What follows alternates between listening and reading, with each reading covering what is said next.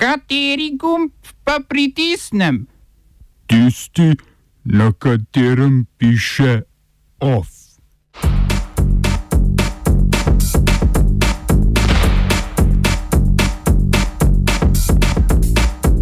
Kitajska spreminja volilni sistem v Hongkongu. Mehika napreduje po poti legalizacije marihuane. HSE se je poravnal z General Electricom za 260 milijonov evrov. V kulturnih novicah rojenje ali prevajanje neprevedljive kulturne izkušnje.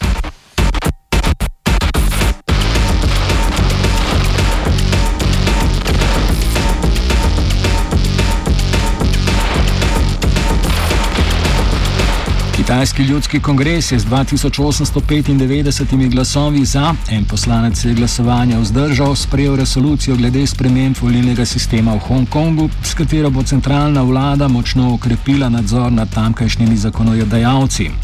Po novem predlogu zakona se bo več pooblastil preneslo na hongkonški volilni odbor, predstavniško telo stanovskih združenj, ki je naklonjeno celinski vladi, obenem pa se bo tudi povečalo število poslancev v glavnem zakonodajnem svetu, ki jih bo direktno imenoval volilni odbor.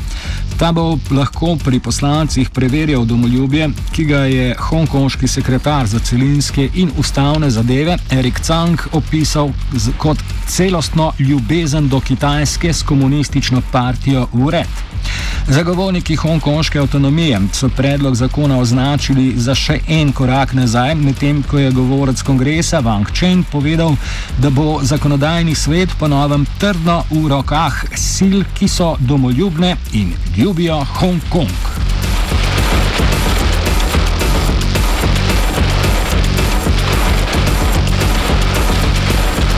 Spodnji dom Mehiškega kongresa je v sredo sprejel zakon o legalizaciji marihuane. Zakon, ki ga mora ponovno potrditi senat, bo omogočil rekreacijsko uporabo kanabisa, uvedel pa bo tudi nov sistem li licenciranja. Državljani bodo potrebovali dovoljenje za gojenje, predelavo in distribucijo marihuane, tudi če gre pri tem za osebno uporabo.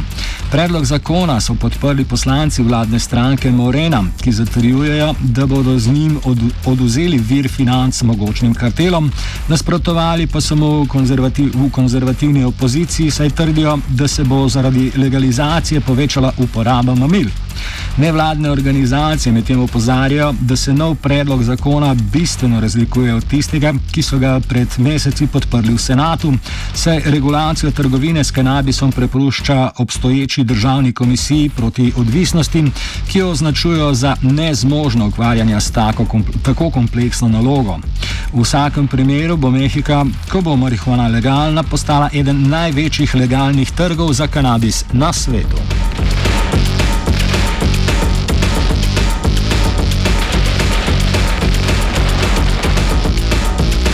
Španski politiki je prišlo do spora med strankami na desni sredini in sicer med desno-sredinsko ljudsko stranko in liberalno stranko Ciudadanos, eh, poslovensko državljani.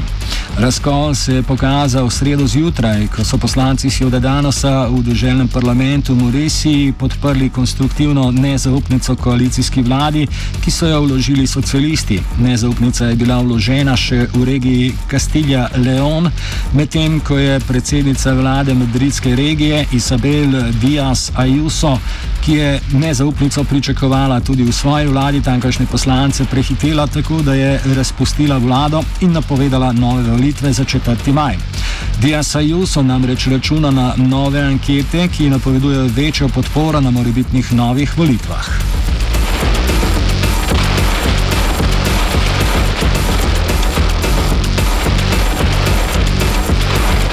Poljska in Mačarska sta na sodišče Evropske unije vložili pritožbi zaradi pogojevanja evropskih sredstev s spoštovanjem načel vladavine prava.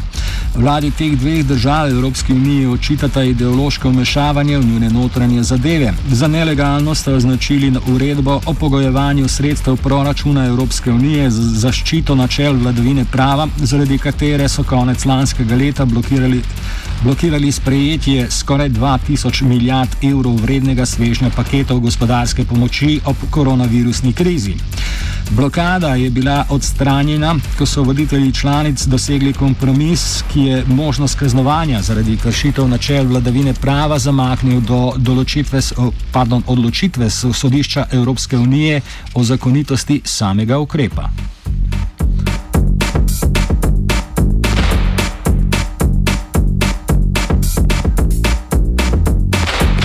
Predstavniki najrazvitejših držav v svetovni trgovinski organizaciji so spet zavrnili predlog Južne Afrike in Indije, da bi se države odrekle pravicam do patentov za cepivo proti COVID-19. Najnovejši predlog je poleg pobudnic, ki imata razviti industriji za proizvodnjo generičnih zdravil, podprlo še 80 držav, a je nalete, naletel na ostro nasprotovanje, predvsem v ZDA, Združenem kraljestvu in državah Evropske unije. Njegovi nasprotniki trdijo, da je zaščita intelektualne lastnine doprinesla k hitrejšemu razvoju cepiv, ter da se dostopnost cepiv ne bo izboljšala, če bo zaščita patentov suspendirana. Oba, če, če bom odgovoril na angliški. Slovenija will try to help. Uh, we can. Slovenija will. Uh, and we will do our utmost to say that the situation is our problem ourselves. And uh, we will uh, make further steps as soon as the conditions are. Bomo vlado Marjana Cererja Šarca podprli. Very, very serious news from Slovenia. We know how and we will. Holding slovenske elektrarne je zaradi projekta T6 od ameriške skupine General Electric Power dosegel poravnavo vredno 260 milijonov evrov. Na račun HSE je že prispelo 131 milijonov evrov, ki bodo namenili odplačevanju dolgov, preostanek pa bodo od General Electrica prejeli v obliki storitev vzdrževanja termoelektrarne. HSE je to ameriško podjetje, ki je po prevzemu postalo pravni naslednik francoske družbe Alstom. Ta je dobavila tehnološko opremo pri šestem bloku termoelektrarne v Šoštanju, to že že leta 2017. Cena izgradnje T6 je namreč bistveno presegla dogovorjeno vsoto. 650 milijonov na 1,4 milijarde evrov. T6 je preiskoval tudi državni zbor, ki je v poročilu izdanem leta 2018 za najdogovornejšo označil vlado Boruta Pahorja.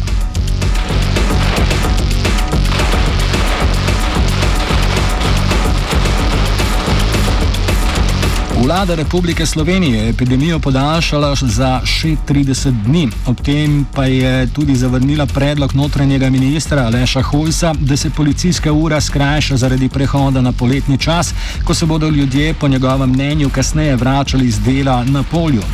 Poleg tega bo spet dovoljeno izvajanje gradbeniških dejavnosti. Terase in vrtovi v posavski in jugovzhodni regiji pa ostajajo odprti. Novela zakona o nalezljivih boleznih tudi uvaja karanteno na domu, katere izvajanje se bo nadzorovalo ne glede na to, ali je oseba v karanteno na poti v NIJZ, policija ali kdo drug. Jutri bo minilo že polno leto od prve razglasitve epidemije, zadnji razglas pa je začel veljati 19. oktobra lani.